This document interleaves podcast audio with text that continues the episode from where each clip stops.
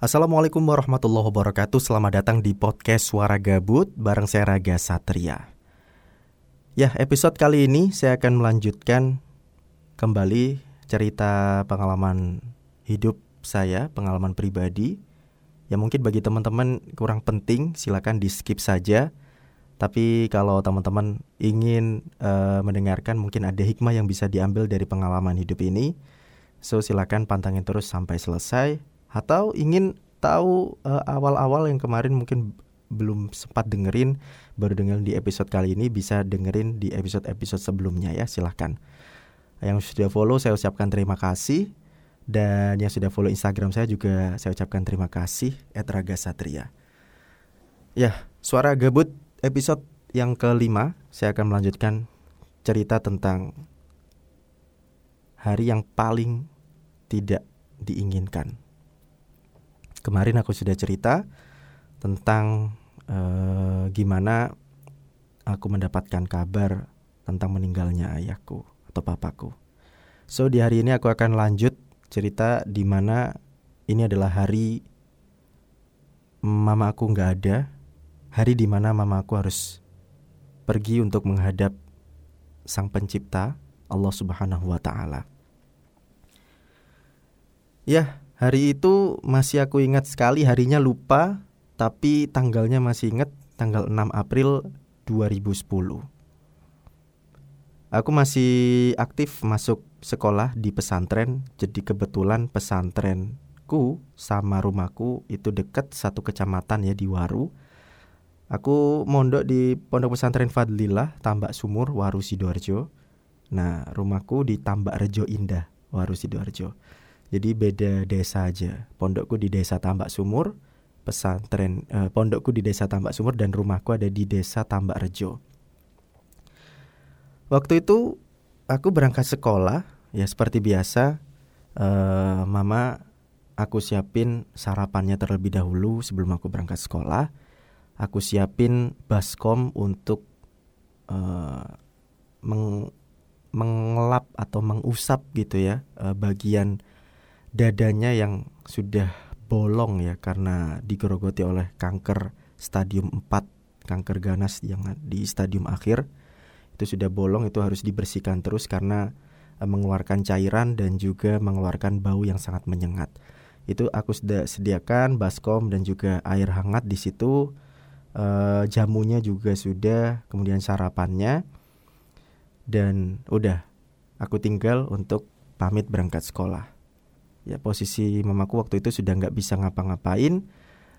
Bangun dari tempat tidur pun nggak bisa jadi hanya bisa uh, terbaring di atas kasur. Badan badannya pun sudah habis digerogoti oleh kanker. Jadi uh, kalau uh, dilihat itu mungkin hanya kelihatan tulang dan juga kulitnya saja. Sudah sudah nggak nggak kelihatan uh, dagingnya dan lain sebagainya. Sangat kurus sekali apalagi mamaku itu tinggi ya. Mamaku adalah seorang model dan juga pragawakti. Waktu itu sempat saya ceritakan di episode sebelumnya. Jadi mamaku itu tinggi cantik dan ketika sakit itu ketika kurus tuh jadi kelihatan kayak tinggi banget gitu. Uh, karena kurus banget badannya waktu itu nggak bisa ngapa-ngapain tangannya nggak bisa gerak badannya nggak bisa bangun hanya bisa terbaring saja. Bahkan mohon maaf ya ketika buang air besar buang air kecil pun itu sudah pakai uh, popok dewasa dan saya yang menggantikannya waktu itu. Karena gak ada siapa-siapa lagi yang merawat. Ada alhamdulillah aku punya tetangga yang sangat baik sekali tetangga samping rumahku namanya Tante Basuki, keluarga Om Basuki ya. Suami istri ini sangat luar biasa sekali. Dan itu sampai sekarang uh, bukan aku anggap tetangga lagi, itu sudah jadi orang tuaku sih. Uh, sudah sangat sangat sangat banyak sekali jasanya untukku. Nah, uh, Tante Basuki ini juga rutin ngirimin sarapan, ngirimin uh, makan siang untuk aku. Jadi ketika mamaku sakit, itu Tante Basuki itu ngirimin makanan setiap hampir setiap hari ke rumahku dan tetangga-tetangga lainnya juga sih tapi yang paling sering adalah tante Basuki mungkin eh, ibu-ibu yang ada di sana uh, habis diskusi gitu ya untuk gantian ngirim makanan karena aku juga masih sekolah waktu itu belum seberapa banyak skill masakan yang aku kuasain. Ada beberapa resep sih yang sudah dikasih sama mamaku. Jadi waktu itu mamaku sakit, aku sudah sambil belajar masak sendiri, eh, masak tumis kangkung, masak tumis bayam, masak sop, masak ya macam-macam lah, uh, tumis pindang, masak sarden dan sebagainya itu aku sudah bisa waktu itu. Tapi uh, sama tante Basuki ini tetap dikirimin sarapan, dikirim makan dan sebagainya. Waktu itu kalau nggak salah sarapannya itu dikirimin sama tante Basuki dan itu aku siapin di me meja deket kasurnya mamaku sama baskomnya dan lain sebagainya, jamu herbal dan lain sebagainya. Terus aku tinggal ke sekolah. Di sekolah itu jam istirahat kalau nggak salah jam 9 itu untuk sholat sunnah duha berjamaah di pesantren. Habis itu nanti masuk lagi jam setengah 10 Nah entah kenapa di sekolah itu kok perasaanku kok gelisah gitu kok nggak enak gitu ya. Aku kok pingin pulang aja gitu. Akhirnya ketika istirahat jam 9 itu padahal aku nggak pernah ya bisa dikatakan nggak pernah untuk bolos sekolah di jam istirahat. Nah waktu itu kan entah kenapa aku tiba-tiba kok pengen bolos ya. Akhirnya ya udah ketika jam istirahat bel berbunyi tepat jam 9 aku nggak nongkrong bareng teman-temanku di kantin atau uh, sholat duha dulu aku langsung ke parkiran. Kebetulan aku waktu itu bawa motor motorku aku titipin bukan di parkiran pondok karena di pondok nggak nggak ada yang bawa motor nggak ada yang bawa uh, kendaraan ya. Uh, jadi aku titipin ke rumah temen aku yang temanku pondok yang rumahnya deket di situ jadi tetangga pondok. Tapi dia juga uh, sekolahnya di pondok situ sekelas namanya Niam. Nah aku titipin motorku di rumahnya Niam. Terus aku jam 9 langsung uh, mutusin untuk ah aku kayaknya pulang aja deh. Pulang aku pulang ambil motor terus ya sudah pulang. Berjalan sampai di rumah aku salam assalamualaikum. Terus aku uh, lapar gitu ya. Kok lapar lagi? Aku akhirnya aku lihat makanan uh, tante Basuki ternyata sudah nyiapin makan siang di meja makan aku sudah ngirimin makan untuk makan siang dan untuk aku dan untuk mamaku. Dan aku akhirnya makan yang untuk aku. Nah itu aku belum nyapa mamaku aku masih lihat aja dari uh, pintu gitu ya. Oh mamaku lagi tidur. Emang biasanya kalau jam uh, pagi gitu mamaku istirahat untuk tidur. Ya udah aku biarin aja uh, karena mungkin tidur gitu ya pulas. Nggak nggak berani bangunin aku. Ya aku akhirnya ambil makan nyalakan TV eh, sambil makan sambil makan. Sambil makan terus aku bilang mah nggak makan ta ini loh sudah makanannya sudah ada. Yang tadi sudah dimakan apa belum? Kok nggak jawab? Biasanya meskipun tidur itu aku ngomong itu dijawab. Akhirnya aku masuk dong ke kamar. Masuk ke kamar terus aku lihat kok mama kok pucat banget ya? Kok ah, terus uh, biasanya ketika mamaku itu uh, tidur itu dadanya itu masih kelihatan nafasnya itu karena karena badannya sudah tinggal tulang sama kulit ya. Jadi ketika nafas itu kelihatan banget pergerakannya. Nah ini kok kok nggak gerak ini dadanya? Kok kok nggak ada nafas? Akhirnya aku langsung sekitar seketika itu udah uh, bingung ya mau ngomong apa. Aku langsung lari ke tetangga sebelahku ke rumahnya tante Basuki. Tante, tante, tolong, tolong tuh lihatin mamaku tuh, mamaku kenapa tuh kok dibangun kok nggak bisa gitu. Akhirnya tante Basuki datang sama Om Basuki, kebetulan lagi ada di rumah. Dilihat dibangunin, waduh, uh, sudah mikir ke mana-mana kayaknya kayaknya sudah nggak ada ini mama tapi untuk dipastikan akhirnya tante Basuki manggil dokter yang ada di dekat situ. Dokter yang rumahnya kebetulan di dekat situ uh, dokter puskesmas yang kebetulan uh, dokter tersebut yang nyunat aku kalau nggak salah waktu itu. Dipanggil untuk dicek kepastiannya dan ternyata benar mamaku sudah nggak ada.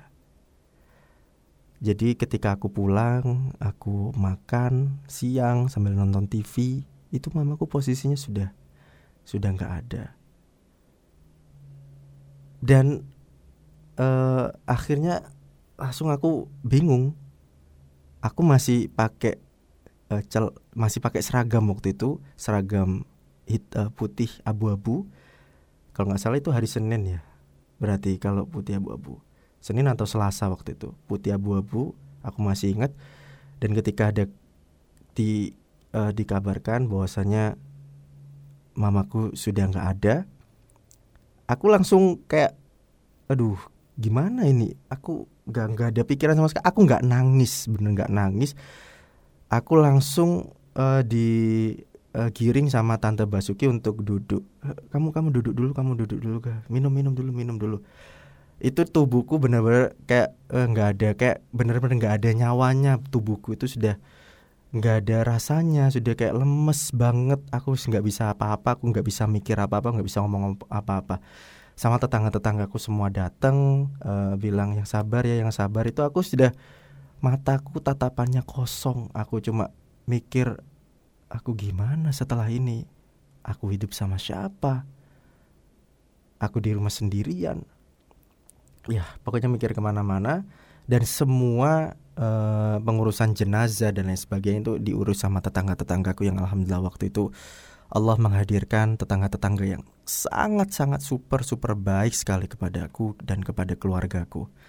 Jadi semua proses pemakaman yang manggil uh, Pak Mudin yang manggil memandikan itu yang bagian beli kafan yang mengurus untuk pembayaran uh, tanah makam membelikan maesan atau apa ya maesan bahasa Indonesia batu nisan ya batu nisan dan lain sebagainya itu semua tetanggaku termasuk Om Basuki dan juga Tante Basuki semuanya diurus. Aku cuma duduk diem ngerenung mikir ya mau mikir apa udah nggak nggak kepikiran sama sekali apa-apa. Dan ketika menguburkan aku ikut aku masih pakai baju seragam waktu itu putih abu-abu aku ikut masuk ke liang lahat. Oh ya, sebelum aku ikut menguburkan, uh, ketika mamaku dimandikan, itu ada tetanggaku yang inget pernah dapat wasiat dari mamaku bahwasanya mamaku pesen katanya kalau kalau aku wis gak ono tolong sampai nonang raga tolong raga sing ngeramasi aku gitu akhirnya tetanggaku ini ngingetin aku, ngingetin aku. Dulu mamaku juga pernah bilang kayak gitu ke aku tapi aku nggak nanggepin. Jadi aku aku kan orangnya suka bercanda gitu. Jadi alah ngomong apa lo mas keramasi keramasi. Keramas dewe gak iso dah gitu. Pokoknya aku uh, sering bercandain lah. Mamaku itu orangnya asik banget dan uh, orangnya humoris juga. Jadi ketika aku bercandain mamaku juga bales bercandain waktu itu. Nah ketika itu akhirnya uh, tetanggaku ngingetin gak waktu itu mamamu kan pernah pesen kalau meninggal uh, minta dikeramasin. Ya badanku waktu itu lemes nggak nggak bisa ngikir apa apa ya udah aku keramasin gitu aku keramasin. Aku lihat tubuhnya mamaku yang putih bersih.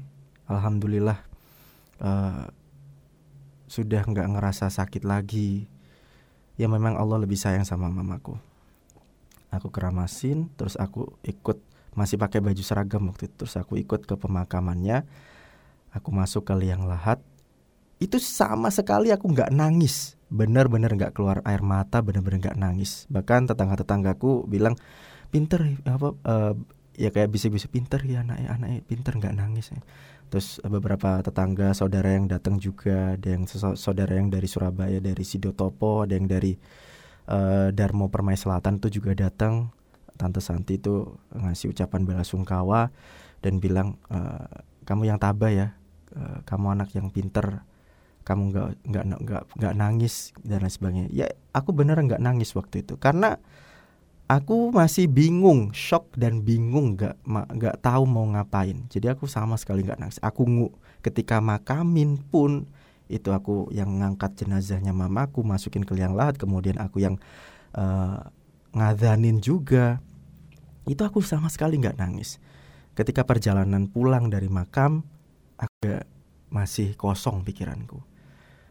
Dan ketika aku sampai di rumah, para tamu yang uh, hadir untuk berbela sungkawa ke rumahku sudah pada berangsur-angsur pulang. Di situ rumahku mulai sepi. Beberapa tetangga karena mau masuk uh, sore, eh, sore ya sudah sore, kemudian mau masuk maghrib, beberapa tetangga sudah mulai menyiapkan, uh, mulai masak-masak di depan rumah untuk menyiapkan uh, acara tahlil sampai ke tujuh hari. Jadi acara tahlil di rumahku pun itu yang nyiapin tuh tetangga-tetanggaku semua uh, yang masakin, yang manggil ustadznya untuk mimpin dan lain sebagainya itu tetangga-tetanggaku semua yang sangat luar biasa sekali kebaikannya. Semoga Allah membalas kebaikan kalian. Uh, aku nggak bisa balas satu persatu ya, hanya Allah yang bisa membalas kebaikan kalian. Nah, di situ baru ketika sudah gak ada orang, ketika semua sudah pada pulang, ketika ibu-ibu sudah uh, di depan rumah semua untuk gelar tikar, kemudian sambil masak-masak dan lain sebagainya. Ada yang pesan jajan dan lain sebagainya. Aku di rumah langsung duduk merenung baru baru itu semua air mataku baru keluar semua. Aku nangis sejadi-jadinya. Aku aku nggak bisa nahan, aku nggak bisa mendung air mataku. Ya aku baru sadar mungkin uh, mamaku sudah nggak ada Aku biasanya ke kamar nengokin mama, tanya udah makan, jamunya kok nggak diminum. Terus uh, biasanya mamaku minta bantuin untuk uh, ambil air wudhu juga. Jadi untuk wudhu aku bantuin untuk membasuh uh, tubuhnya untuk wudhu dan lain sebagainya. Nah ini aku lihat kamar kosong, nggak ada siapa-siapa. Aku benar-benar sendiri. Aku benar-benar sendiri dan di situ aku benar-benar nangis aku nangis sejadi-jadinya sampai akhirnya tante Basuki datang uh, nyamperin aku kamu apa aku ketika tante Basuki datang aku langsung ngapus air mataku. Aku nggak mau terlihat uh, lemah aku nggak nggak mau dikasihani. Aku dari dulu emang nggak nggak suka dikasihan. Ketika aku yatim pun aku juga gimana gitu ya kalau dikasihani gitu. Nggak nggak enak gitu. Jadi ketika tante Basuki datang aku hapus air mataku seolah aku kuat. Ditanya kamu sudah makan ya aku jawab agak lapar tante. Ini ini makan dulu makan dulu. Biar biar kuat. Biar kamu nggak sakit juga gitu. Biar mama kamu tenang katanya. Ya udah akhirnya aku makan. Ya meskipun nggak nggak ada rasa sama sekali makanan itu. Hambar semuanya. Ya. Di situ aku ada beberapa penyesalan yang sempat aku rasakan bahwasanya aku ketika uh, mamaku nggak ada itu nggak bisa dampingi eh, nggak uh, bisa dampingi mamaku di akhir hayatnya. Aku nggak bisa bantu ucapin kalimat syahadat dan juga la ilaha illallah ke telinganya mamaku ketika meninggal. Ya mohon doanya saja semoga uh, mamaku diampuni dosa-dosanya ditempatkan di sisi Allah yang terbaik Amin amin ya rabbal alamin dan semoga di akhirat nanti aku bisa dipertemukan kembali dengan mama dan juga papaku insya Allah amin. So sekali lagi buat kalian teman-teman yang sampai saat ini sampai detik ini Allah masih memberikan kesempatan kalian untuk ditemani hidup kalian dengan orang tua kalian terutama ibu kalian. Jangan sampai uh, sia-siain waktu itu, jangan sampai kecewain orang tua kalian, buat orang tua kalian bangga, khususnya ibu kalian, buat ibu kalian bangga. Dan jangan lupa untuk selalu mendoakan kesehatannya. Dan buat teman-teman yang orang tuanya sudah nggak ada, kalian terus tunjukkan uh, rasa bakti kalian kepada kedua orang tua kalian dengan mendoakannya, dengan terus membacakan doa, membacakan Al-Quran yang dihadiahkan untuk kedua orang tua kalian atau untuk ayah atau ibu kalian yang sudah lebih dahulu mendahului kalian. Insya Allah doa anak yang solih itu tidak akan terputus amalannya sampai uh, ke orang tua kita nanti. Insya Allah. Ya, terima kasih buat teman-teman yang sudah dengerin podcast Suara Gabut episode kali ini.